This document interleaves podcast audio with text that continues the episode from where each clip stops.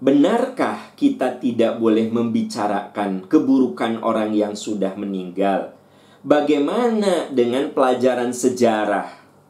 Misalnya kita cerita tentang penguasa-penguasa yang dolim. Kan mereka sudah pada meninggal. Atau kita membahas penguasa yang kebijakannya waktu itu zolim. Apakah ini juga tidak boleh? Mohon penjelasannya. Ya, bagaimana hukum membicarakan keburukan orang yang sudah wafat. Ya. Pertama, kita bicara dulu hukum awal, hukum dasar. Di dalam hadis riwayat Imam Bukhari dikatakan la tasubbul amwat. Kamu tidak boleh membicarakan keburukan apalagi memaki-maki orang yang sudah mati. Fa innahum qad afdawu ila ma. Karena mereka sudah menyelesaikan apa yang pernah mereka jalani dalam hidupnya. Nah, jadi Nabi mengatakan, La tasubul amwat kamu nggak boleh memaki, menghinakan orang yang sudah mati.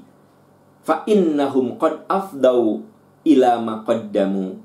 Karena sesungguhnya mereka sudah sudah selesai urusannya begitu, ya. Jadi prinsip hukum tidak boleh membicarakan keburukan orang yang sudah wafat.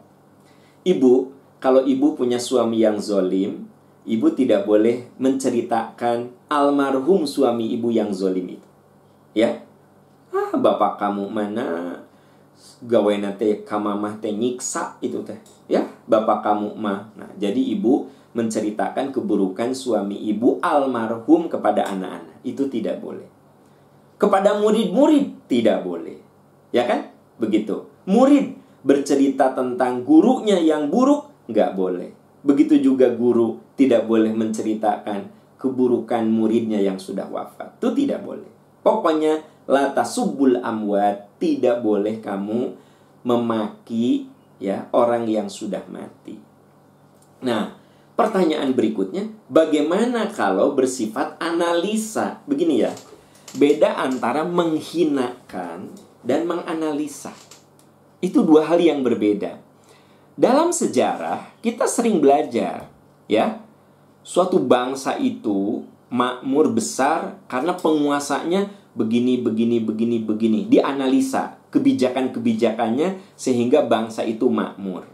Tapi boleh jadi dengan penuh terpaksa kita menganalisa seorang yang sudah wafat tentang kebijakan-kebijakannya itu sebenarnya lebih bersifat mengambil pelajaran. Jangan sampai kalau kita jadi penguasa mengambil kebijakan yang salah seperti yang pernah diambil oleh si A, si B dan si C. Jadi apa niatnya? Mengambil pelajaran. Itu sebabnya kenapa di dalam Al-Qur'an ada pembahasan tentang Firaun. Bukankah itu membicarakan keburukan Firaun? Itu pelajaran. Di dalam Al-Quran ada cerita tentang Abu Lahab, tabat yada abi lahabi watab, celaka Abu Lahab. Itu apa? Pelajaran. Jadi kalau Anda menceritakan orang yang meninggal, bukan menghinakan, tetapi mengambil pelajaran dari kehidupannya, ya. Kita bicara tentang Hitler, kejamnya Hitler, ya. Gitu. Nah, kita ngambil pelajaran. Jadi sahabat-sahabat sekalian, beda antara menceritakan keburukan dan menganalisa kebijakan. Itu dua hal yang berbeda dan niatnya juga lebih kepada niat bukan menghinakan tetapi memberikan analisa-analisa. Nah, makanya orang yang dibahas itu biasanya orang-orang yang penting dalam hidup. Itulah sebabnya kalau teman kita, sahabat kita, tetangga kita bukan orang-orang yang penting ya tidak perlu kita bicarakan tentang Eh, keburukannya dan apalagi menghinakannya itu sesuatu yang dilarang oleh agama ya. Nah itu, itu sebabnya kita berdoa kepada Allah ya berdoa kepada Allah seperti yang diajarkan oleh Nabi Ibrahim. Waj'ali lisana sidqin fil akhirin. Ya Allah jadikan saya pembicaraan yang baik. Kalau saya sudah tidak ada jadi kita bermohon kepada Allah itu kalau kita sudah tidak ada, orang hidup itu membicarakan kebaikan kita. Kalau kita jadi suami, dibicarakan kebaikannya. Kalau kita jadi ayah, dibicarakan kebaikannya. Kalau kita jadi teman, dibicarakan kebaikannya.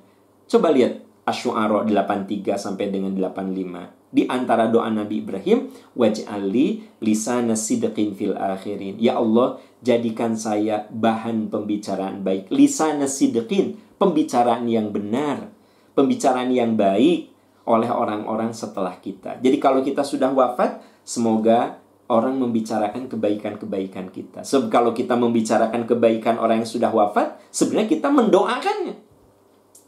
Aa, kamu kalau jadi ayah, contoh tuh bapak kamu, ya Allah, almarhum bapak kamu, mah. Nah, ibu ini cerita tentang almarhum suaminya yang baik-baik kepada anaknya, kepada cucunya. Ini doa untuk almarhum.